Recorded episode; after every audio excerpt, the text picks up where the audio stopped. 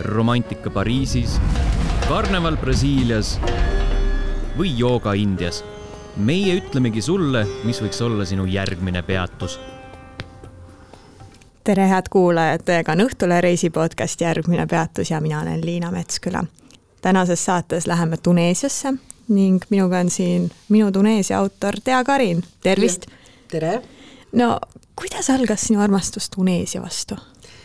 Nagu tavaliselt suured armastused algavadki väga juhuslikult, meid kutsuti Tuneesiasse ajakirjanikena ja siis oligi küsimus, et kuhu te tahate, kas põhja või lõunasse ja meie kõik ütlesime, et me tahame ikka lõunasse, Saharasse, seepärast et põhi on just see, mida, kui keegi midagi Tuneesias tunneb, siis ta tunneb põhjaosa.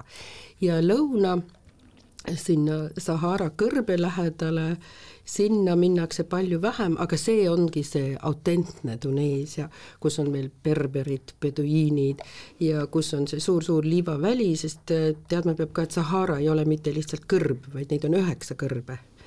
ja sealt edasi ongi, seda nimetatakse seal kõrbeväravaks, seepärast et sealt edasi tulebki ainult liiv, liiv, liiv, luited ja kaamelid ja päikeseloojangud mitu korda sa oled seal Tuneesias käinud nüüdseks?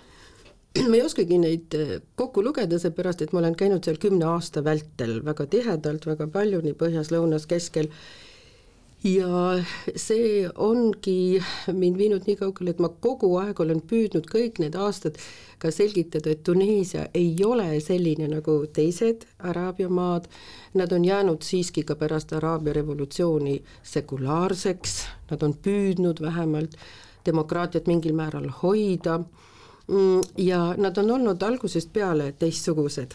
Tuneesiasse mindi juba aastakümneid tagasi vaatama esimest Araabia pil-, naispilooti või mingi, mingi vaatame esimest naispolitseinikku. nii et äh, see on olnud nende jaoks niisugune Araabia maade jaoks eksootiline ja nemad on püüdnud seda joont ka hoida, nii et kui minna Tuneesiasse, siis Tunis on väga euroopapärane. kõndida seal peatänaval Bourguiba äh,, Habib Bourguiba tänav on see esimese presidendi järgi, siis seal on tänavakohvikud, seal istuvad naised ja mehed, seal on nagu Euroopa suured Pariisi äh, gaasilaternad, mida kaugemale lõunasse, seda rohkem Tuneesia muutub, seda rohkem muutub ta selliseks, nagu ta on olnud. Äh, ja Mm, võib-olla lõunaosas ka, seal on hästi palju traditsioone veel alles jäänud, kuigi ka seal on märgata seda koloniaalaja Prantsuse mõju. seetõttu Tuneesia on ju imetilluke, kui vaadata, ta jääb sinna äh, Alžeeria kõrvale, see hiigel Alžeeria, siis ta on niisugune piklik väike äh, maa, aga nii nagu Eesti mõnes mõttes, et on väga erinev, regioonid on väga-väga värvikad, väga, väga erinevad, nii et põhi on Euroopa ja lõuna on siis tõeline Araabia no sa mainisid, et pealinnas mehed ja naised rahulikult istuvad koos kohvikus ja, ja kuidagi naised mulle su jutust tundusid olevat sellisel mitte tagaplaanil, aga tihtipeale ju Araabia maades nad on tagaplaanil. kuidas Tuneesias on? Tuneesia on see maa, kus tõesti naised töötavad. Igal pool, näiteks Tunises väga tavaline turismifirmades, kauplustes, igal pool sa kohtad ka naisi, mida lõuna poole seda vähem, aga kuigi ka seal, kui sa oled seal ähm, kõrbeväravas nii-öelda, siis nad kõik kannavad džiinse, sõidavad autodega ähm,, aga kui nad abielluvad, vot siis see asi natuke muutub kui abiellutakse, siis näiteks minu sõprade puhul oli nii, et ma vaatasin, et huvitav, et see mm, Karima, kes kogu aeg on niimoodi ülimmoodne, järsku kannab ta pikki rõivaid valgeid kindaid, et mis on juhtunud. aga tema valmistas end ette nüüd abieluks, siis ta peab olema nii valge kui võimalik, et mitte päikest endale ligi lasta, sest siis sa oled rohkem väärt juuksed tuleb, äh, nii nende süsimustad, ilusad läikivad juuksed tuleb teha nii heledaks kui võimalik. ja siis äh, on need pulmad ka täiesti teistmoodi, seal võib-olla avaldubki see, see suur erinevus, et äh, põhjas on sellised vägevad pulmad, kus on naised, mehed, kõik koos istuvad laudade taga, süüakse, juuakse, tantsitakse, aga lõunas on see täiesti teistmoodi. mitte, et naised oleksid tagaplaanil, aga seal nad on meestest eraldatud. et pulmad on ka niimoodi, et mehed tantsivad ja naised istuvad siis imekaunitena ehe, ehetes, istuvad oma vaipadel ja vaatavad siis pulmapidu pealt mm ma olengi, täpselt sinu küsimus ongi see, et naiste puhul iga kord, kui ma Tuneesiasse lähen, siis kõik küsivad, mitu naist võib seal Tuneesia mehel olla millest ikka ei ole kohale jõudnud, et Tuneesia ongi teistmoodi. peale seda, kui nende esimene president Habib Bourguiba võimule tuli, siis sellest peale, ja see oli aastal tuhat üheksasada viiskümmend kaheksa, sellest kehtibki üks mees, üks naine. ja see on täiesti tavaline, et ei olegi lubatud siis seal, jah? ei, see on mm -hmm. täiesti, sorry, kõikidele väga arusaadav, et kui abiellutakse, abiellutakse ühe naisega, ühe mehega ja mis on veel erilisem võib-olla Tuneesias, on ka see, et paar aastat tagasi eh, on see ka seaduse alusel loodud, et mehed ja naised on võrdsed väga hea, et see ju tegelikult seal Araabia riikides ei ole, ei ole ju tavapärane. täpselt, seda kusagil mujal ei olegi.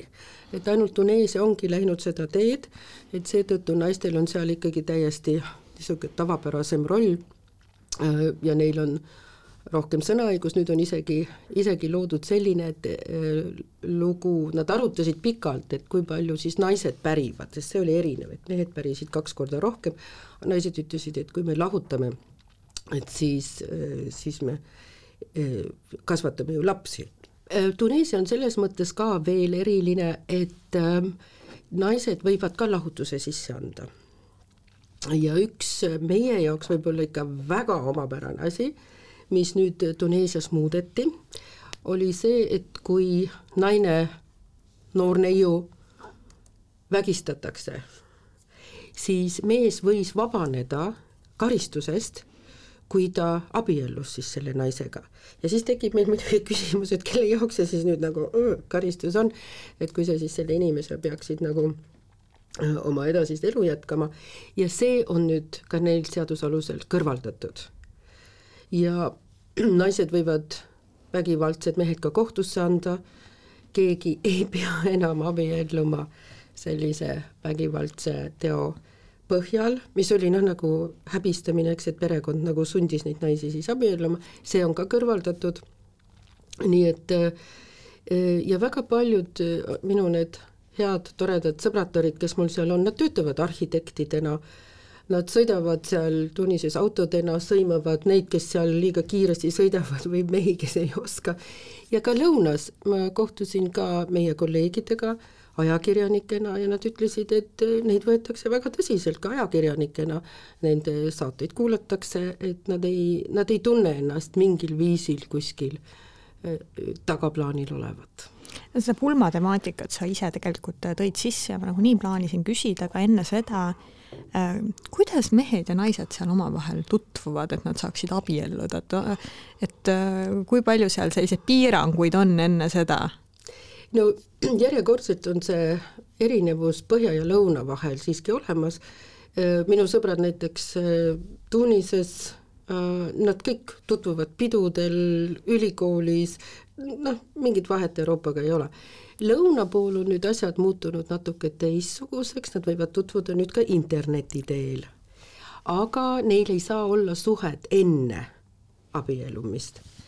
ja siis toimub ikkagi veel see, nad on võtnud mind ka kaasa mõnikord sellisele pulmaretkele, kus eh, mees ja naine on nagu juba kokku leppinud kõik, aga siis ikkagi läheb niisugune väike delegatsioon naise koju naise isa juurde, siis istutakse, nad tegid niimoodi salaja minu jaoks väikse video, et ma nägin, mis seal toimub, ja siis nad joovad teed ja arutavad läbi kogu selle kaasavara ja kuigi asi on juba ammu kokku lepitud, aga see on niisugune ametlik pool veel, mis siis läbi tehakse, et sõidetakse kohale, pannakse asjad paika, siis tuleb delegatsioon mehi jälle sealt välja, siis sõidetakse ära ja siis võivad siis pulmapidustused alata. pulmaretk? nii-öelda jah, pulmaretk, kus siis kõik jah, tuleb kokku leppida ja seal naised ei osale. nii et eh, mina, mind võeti küll kaasa, sest ma ei ole kohalik, aga mina jäin siis ka välja niimoodi kanade, eeslite ja, ja kohalike naiste seltsi seal ja vaatasin siis pärast videod. no aga siis ikkagi igale poole seda, seda naist kaasa ei võteta, võeta, et see, mulle tundus, et see on kõige hästi-hästi võrdne, aga vot pulmaretkele ei, sinna sa ei tule. Täpselt nii ja, ja ka pulmas mina mõtlesin ka, et issand jumal, mina küll sellist pulma ei tahaks nagu, et äh, tavaline pruut äh, seal, kui ta Tunises on terve õhtu laval oma ilusates riietes ja tantsib ja teeb seal kõiki asju oma, oma peigmehega, tulevase abikaasaga, siis lõunas ei ole see nii.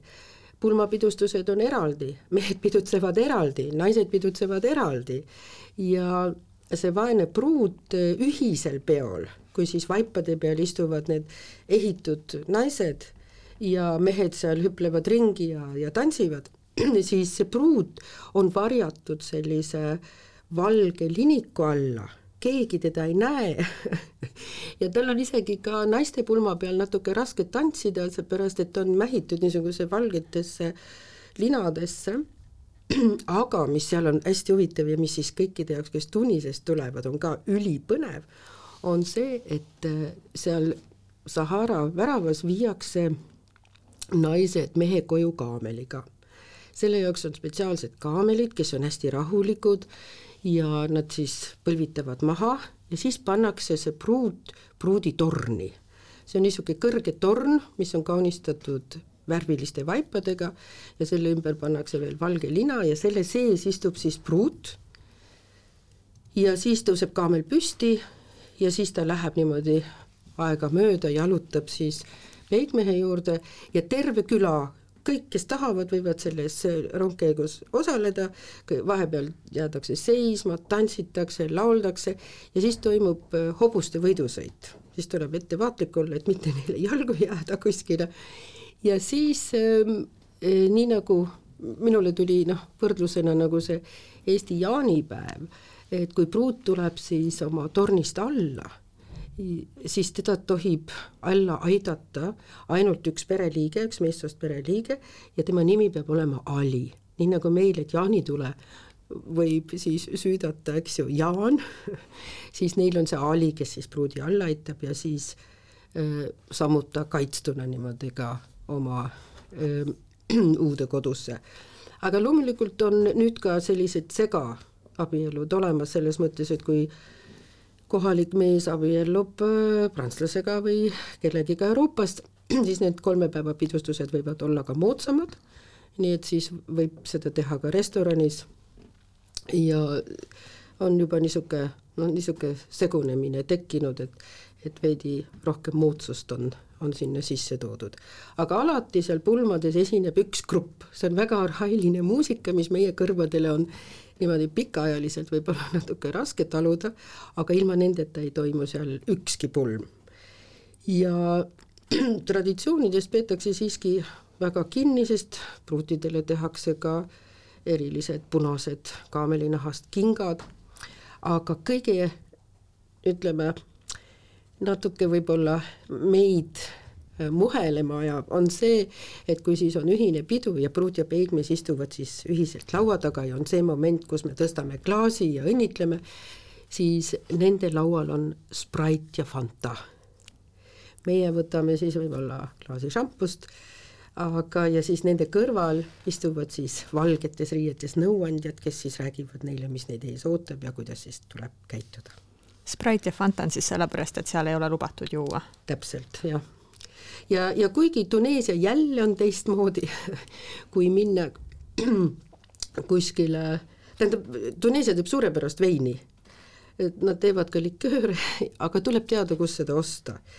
et loomulikult vot nendes poodides lõunas sa ei näe iialgi ühtegi naist, aga sinna saab, saab minna saab osta, neil on väga kõrge kvaliteediga punased veinid ja kui minna kuskile baari, siis seal istuvad mehed ja joovad kohalikku õlut ja tantsivad ja nii et ei ole üldsegi nii, et, et nagu oleks keelatud, aga siiski, siiski mõned asjad on seal teistmoodi.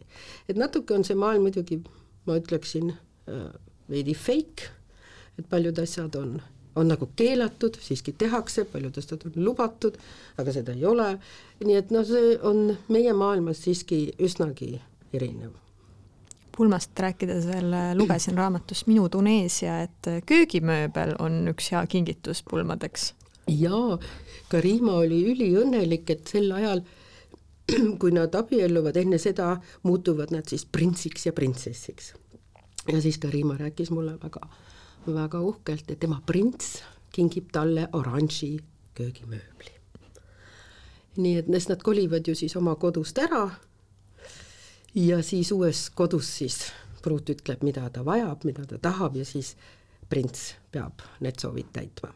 ja siis pulmakinkideks antakse neile ka kaasa mida nad kõik näitavad, kõik pakendid on läbipaistvad, kõik antakse pea kohal, viiakse siis kohale ja seal on siis soola ja igasugust söögikraami ja ka suitsud, nii et kõike, mida mida tulevases elus võiks vaja minna, siis pakitakse sellistesse läbipaistvatesse suurtesse korvidesse. ja veel üks asi, mis ma sealt äh, sinu raamatust lugesin, selline lause oli, mis on lubatud Tuneesia mehele, ei ole lubatud Euroopa mehele. mis on lubatud eurooplannale, ei ole lubatud tuneeslannale. no räägi sellest, no mida see siis, mis, mis need asjad on, mis on lubatud ja mis ei ole lubatud? No näiteks tuneeslannale ei, ei olnud lubatud omada suhet äh, välismaa mehega. et kui mingi suhe tekkis, siis pidi see olema kindlasti Tuneesia mees. Äh, mis Tuneesia meestele ei ole keelatud, sest nendel on väga palju, on suhteid just nimelt äh, Euroopast kuskilt tulevate naistega, mis viib ka selleni, et need, ma kirjutasin ükskord ka artikli sellest päikeselistest hurmuritest, sest äh, nemad noh, kui me ütleme niimoodi, seavad üles sellised väiksed lõksud ja need on just Euroopa naistele, kes väga harva kuulevad selliseid imetlevaid, sooje sõnu meeste poolt oled sa minuga nõus? jaa, ma praegu mõtlen äh, just selle lõksu peale, et mis see, äh, see lõks ongi siis nüüd see kaunid sõnad ja naised kõik, äh, kõik kukuvad sinna lõksu või? no peabki ette kujutama seda natuke nii, et noh, kuigi lõksu kukuvad nii noored kui vanad, et see ei ole sugugi nii, et, et nagu mõnikord arvatakse, et seal kuuekümneaastased naised, eks ole, kes eluaeg on oodanud, et, et nende abikaasad ütleks neile midagi toredat, ilusat, imetlevat et, et nemad on need kõige rohkem lõksu langevad, ei, need on noored täpselt samamoodi. sest Tuneesia mehed näevad välja väga kaunid, säravad pruunid silmad, kuna nad liiguvad palju, ratsutavad, sõidavad kõike, siis need, nad, on ka äh, nagu bodybuilderid, väga, väga kena kehaehitusega, nad kannavad imelisi riideid äh,, nad kannavad äh, väga sageli neid mm, kohalikke pikki rõivaid, kannavad musta turbanit, nad käivad peaaegu iga päev habemaja juures, lõikavad oma habeme väga ilusas, nii et noh, kes, kes ei peaks siis nagu vastu sellele, eks ju. kuule, sa juba praegu müüsid mulle see Tuneesia mehe maha selle kirjelduse peale, keegi yeah. ei pidanud hästi ütlemagi mulle. aga see lisandub veel, neil on nimelt terve vokabulaar, et nad teavad väga täpselt, mida tuleb siis öelda, näiteks sa võid seda isegi internetis vaadata, seal on, et minu elu enne sind ei olnud midagi väärt või no seal on terve rodu, seda võib kõike vaadata, mida nad kasutavad ja, ja siis ongi nii, et, et noh, võib-olla ütleme ka, et see eriti see kuuekümneaastane väsinud eksnaine ei jõua enam oodata, kuni keegi talle ja nüüd tuleb see särasilmne, imekaunis hurmur ja ütleb talle, mis on minu elu väärt ilma sinuta. ja, ja siis, ja siis see lähebki nii, aga ähm, ma arvan, et naised, ma kirjutasin oma raamatus ka kolme lugu, üks on kurb mõned, üks on sellise äh, väga enesekindla naise lugu ja üks on siis niisugune vahepealne. ja ma arvan ka, et naised peavad lihtsalt ise teadma, mis nad teevad. et äh, kas sa hakkad hobuseid ostma või kaameleid, kas sa hakkad öö, äh, korterid ostma, nii et noh, pole nagu mõtet pärast siis nutta, kui, kui sa oled seal oma otsused langetanud kuhu see meelitamise lugu ja see lõksu seadmise lugu siis välja jõuab, et mis nende eesmärk on, et naine tuleks, kas nad tahavad selle naisega abielluda ja Euroopasse minna näiteks või nad tahavad tema raha või, või mis, mis see täpne eesmärk siiski on?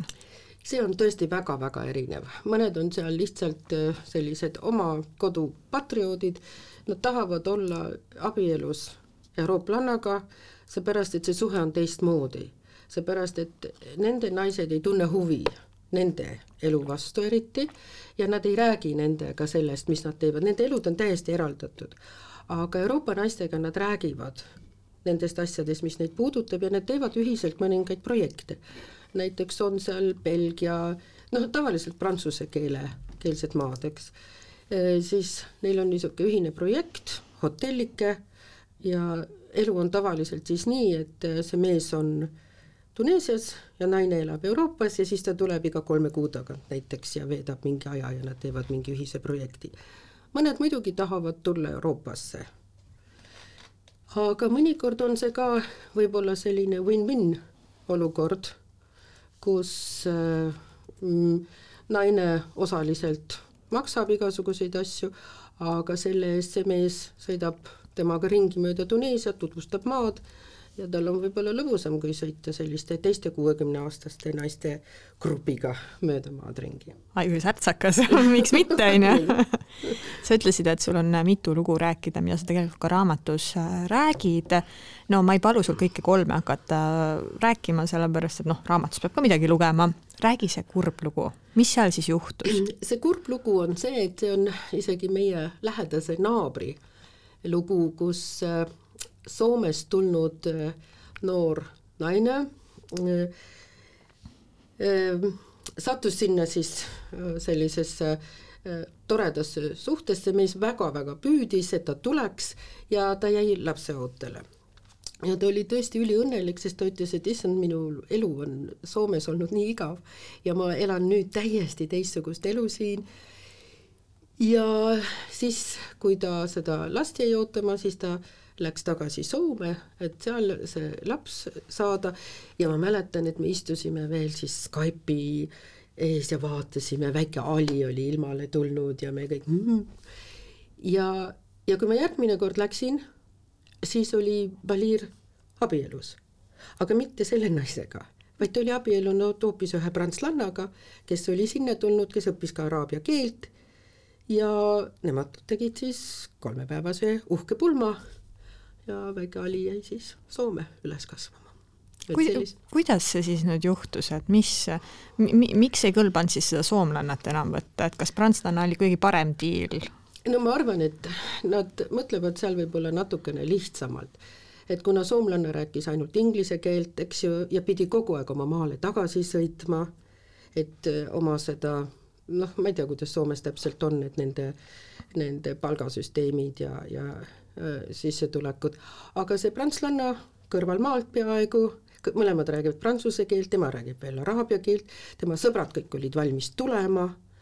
Ja, ja kuna see mees töötas ka, noh, tal oli palju hobuseid ja siis töötas turismis, siis oli see tulevik nagu tundus roosilisem ühesõnaga panevad naised siis endasse väga kergesti armuma ja ise on hästi sellised kalkuleerivad, et mis on parem diil ikkagi. jah, jääb tõesti selline mulje, et seal ei ole nagu see, mis on tõeliselt väärt, ei ole see armastusabielu, vaid äh, sageli ongi see nii, et mees on nagu rahul sellega, et kui on abikaasa, siis on need suhted nagu korras, kui siis on ka veel laps, siis on eriti hästi ja nemad elavad oma elu siis edasi ja kõik keskkond on korras tead sa ka, mis, mis selle soomlanna mõtted selle, selle osas olid, et mis ta emotsioonid olid?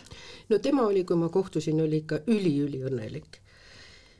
seepärast, et ta ütles, et ta töötas restoranis ja ütles jah, et tal oli väga igav ja see kõik teda eriti ei rõõmustanud, pealegi külm ja nüüd oli päike sellises Tuneesias, kus ta käis pulmas, kus ta sõi teisi asju, ta oli tõesti sel ajal väga õnnelik nii et seetõttu oli see võib-olla siis jah, kõige kurvem lugu, millega ma seal kokku puutusin. jah, eks ta, eks ta ole jah. aga sellist äh, naiivsust äh, ma lugesin raamatust jällegi, et et ka sind peeti naiivseks, et sa seal kohalikke sõpru tahtsid äh,, nagu kohalike inimestega tahtsid suhelda. oli ju niimoodi, mingid tee joomise probleemid kõik ja mis seal olid? See on natuke erinev selles mõttes, et, et jah, võib-olla, et mind siin Euroopas jah, peeti natuke naiivseks, et nad noh, arvamus Euroopas on ikkagi moslemites natuke teistmoodi, et et mulle noh, muidugi sada tuhat korda öeldi, et aa, kuidas seal, eks sinust võib-olla mõeldakse, eks, et et sest seal tõesti natuke mõned asjad on teistmoodi, sa meestega alati ei saa suhelda, sul peab sul peavadki olema seal sõbrad, et sa saaksid nagu normaalselt seal inimestega suhelda, aga see on võrratu, kui sul on seal kohalikud sõbrad, sest näiteks ma vist raamatusse panin ka selle, et ma läksin midagi ostma ja muidugi, nagu see tavaks on, maksad sa teistsugust hinda, siis mu sõbrad küsisid, et mis sa siis ostsid, mis sa siis maksid, võtsid mult kõik asjad ära tulid tagasi, andsid asjad tagasi, andsid raha tagasi ja ütlesid, et nii, sa võid tema juurde nüüd alati ostma minna, rohkem ta sinuga seda enam ei tee. nii et see näitab, et sellised sõbrad, kes seal on, on ikka väga-väga väärtuslikud. aga sinu kohalikud sõbrad on seal nii mehed kui naised siis, eks ju? jah aga need mehed ikkagi ei, äh, on tõesti, tahavad sinuga seda sõbrasuhet pidada, mitte, mitte niimoodi, et oo tea, mu elu ei olnud ilma sinuta midagi väärt no mina sattusin ühte väga toredasse perekonda ja see oli linnas väga tuntud perekond, nii et seetõttu olin ma igati kaitstud, et nad õpetasidki mind, et kui keegi sulle liiga lähedale tuleb, ütle ainult lihtsalt meie nimi ja siis keegi ei puutu sind. Ja nad õpetasid mulle ka paar sellist lauset, mida siis ehk öelda tuleb ja teine asi on veel, mida meie peame seal eurooplastena võib-olla meestega suhetes õppima, no kui ma suhtlesin nende selle pere tuttavate ja sõpradega, siis oli kõik väga lihtne, aga noh, sageli on olukorrad jah, kus sa ei saa lihtsalt istuda üksi seal pingi peal ja oodata taksot, seepärast et keegi kohe kutsub sind kuskile. ja mida meie peame seal õppima, on see, et ei tohi naeratada, sa ei saa teha niimoodi, et sa ütled, et ei, suur tänu, ma ei taha ja naeratad, siis nad ei võta sind tõsiselt. sa pead olema väga konkreetne ja ütlema ei. veidi nagu ebaviisakas pead siiski ja, olema. natukene, meie jaoks jah. aga nende jaoks ongi see, see stiil, et aru saada, mida sa tõeliselt mõtled et muidu tegelikult naine ütleb ei, aga tegelikult mõtleb jaa. no täpselt, ka meil Euroopas on ju mõnikord need probleemid mm. -hmm, jaa, no seesama äh, ebaõiglase hinna maksmine, millest sa, mida sa juba mainisid, et äh, selles, nende kauplemiste ja asjadega sa vist ei, sa vist lõpuni ei ole päris ära harjunud, et äh, ei oska niimoodi või oskad nüüd juba? no mina ei olegi seda sellepärast ära õppinud, et kuna nad mind juba nii hästi tundsid, siis nad ütlesid sageli, et ah, sa ei peagi enam kauplema, et me anname sulle oma hinnaga. ja seetõttu mul ei olnudki nii väga palju neid võimalusi seal kaubelda. see see hind on ainult sinu jaoks ainult täna, see on nagu see, ma mäletan, et Egiptuses midagi taolised asjad olid, kas see on, kas seesama asi on ka Tuneesias? see on igal pool, my friend, only for you, only today no aga tegelikkus, aga tegelikkuses mingisugust sellist äh, hinnasoodustust seal ei ole? ikka, nad teevad ikka väga palju, sa, kui sa tõesti tahad, siis sa saad ikkagi kaubelda. aga mis need hinnaerinevused on, et kui sa äh, kõigepealt vaatavad, et äh, see on üks äh, valge eurooplane, rahakott on seljas, mm, mis see hind siis on nagu sellele eurooplasele, mis kohalikule ja võiks no, olla? hinnavahe on hiiglaslik, see võib olla absoluutselt hiiglaslik, aga sa pead kauplema, sa saad kindlasti poole peale selle kindlasti alla. aga katsetama peab, jah. mis, mis nipi, mis nipiga või mis need sellised head kauplemisnipid sinu hinnangul on?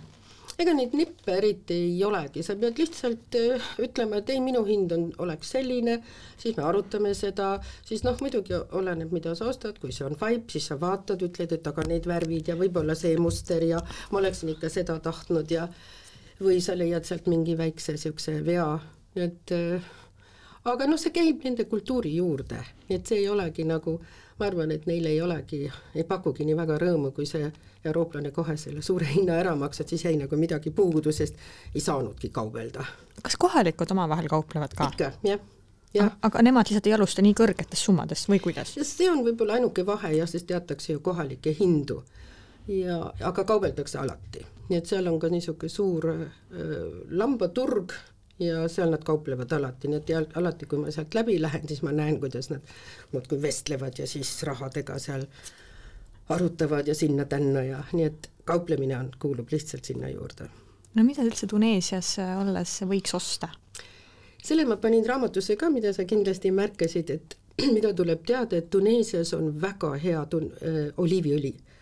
kui sõita Tunisest lõuna poole, siis näeb neid suuri-suuri istandusi, mis on ja, ja nad teevad, nad on saanud väga palju auhindu, nii et nende õli on väga kvaliteetne, siis nagu ma mainisin juba, nad teevad väga head punast veini, neil on lõuna pool, nagu ma sinu jaoks täna ka kaela panin, on lõuna pool väga ilusad peduiini ehted ja nad teevad niisuguseid huvitavaid maiustusi ja äh, neil on isegi väga toredad äh, äh, disainerid ja muidugi nende kultuuri juurde kuuluvad ka sellised kahelkivid ja siis liivaroosid, mis tulevad kõrbest välja, sellised kristallid, mida nad ise ka kasutavad väga palju oma aedades ja dekoratsiooniks. ja muidugi need värvilised taldrikud, nii nagu ka Türgis, aga neil on teistsugused mustrid man- äh,, ei, vabandust, mitte mandlid, tatlid ju on ka. tatli, absoluutselt, issand, see on nii tavaline, et mul ei tulegi juba pähe enam. Ja aga seal tuleb tatleid süüa, seepärast et seal sa saad proovida selliseid tatleid, mida sa siin iial ei kohta. ja need on nii teistmoodi, nad on, nad sulavad suus. aga siia tuleb see tegletnuur, mis on ekspordiks kõige parem ja need tulevadki Lõuna-Tuneesiast, Duus-Dosöör sealt kandist ja ja nad on ainult üllatunud, et meil müüakse neid niisuguses väikestes pakkides kaksteist tatlit, nemad müüvad alates kilost Need on ju nii magusad, see vist annab niimoodi sellisele kehakaalu vist ka päris palju juurde. jah, kui sa lähed kõrbesse, siis viisteist tatlit päevas ja su päev on kõikide vitamiinide ja suhkru ja kõigega täidetud. seal ülekaalulisust tatlite pärast ka on ei ole, sest neid ei sööda nii palju, sest nad on tõesti väga magusad. Nad söövad rohkem, need söövadki hästi palju juurvilju, mida seal kohutavates kogustes kasvab, nii et ja neil on väga head puuviljad ja apelsinid ja suurepär- ja tomatid, mis maitsevad täitsa teistmoodi kui meie Hollandi tomatid no anna siia lõppu mõned sellised head nõuanded, et kui, kes kuulab, mõtleb, et okei okay,, käiks seal Tuneesias ära mida arvestada? no mina arvan niimoodi, et mida vähe teatakse ja kuhu ma tõesti soovitaksin minna, seal on Rooma-aegsed suurepärased ka UNESCO mine, nimekirjas olevad varemed, fantastilised. teine asi, üks võimalus on minna lihtsalt päikese kätte siis sinna läänerannikule, kus on Sus monasteer, kõik need linnad, kus on hästi palju hotelle, aga kõige toredam on minna ikkagi lõunasse, Sahara lähedale, sõita seal üle mäestiku ja vaadata, kuidas tõelised berberid ja beduiinid elavad. aitäh sulle, Tea! aitäh sulle! ja järgmine peatus on eetris juba kahe nädala pärast. kuula meid üle nädalati kolmapäeval Õhtulehest, Spotify'st, SoundCloud'ist või iTunes'ist ja ära unusta meie podcast'i tellida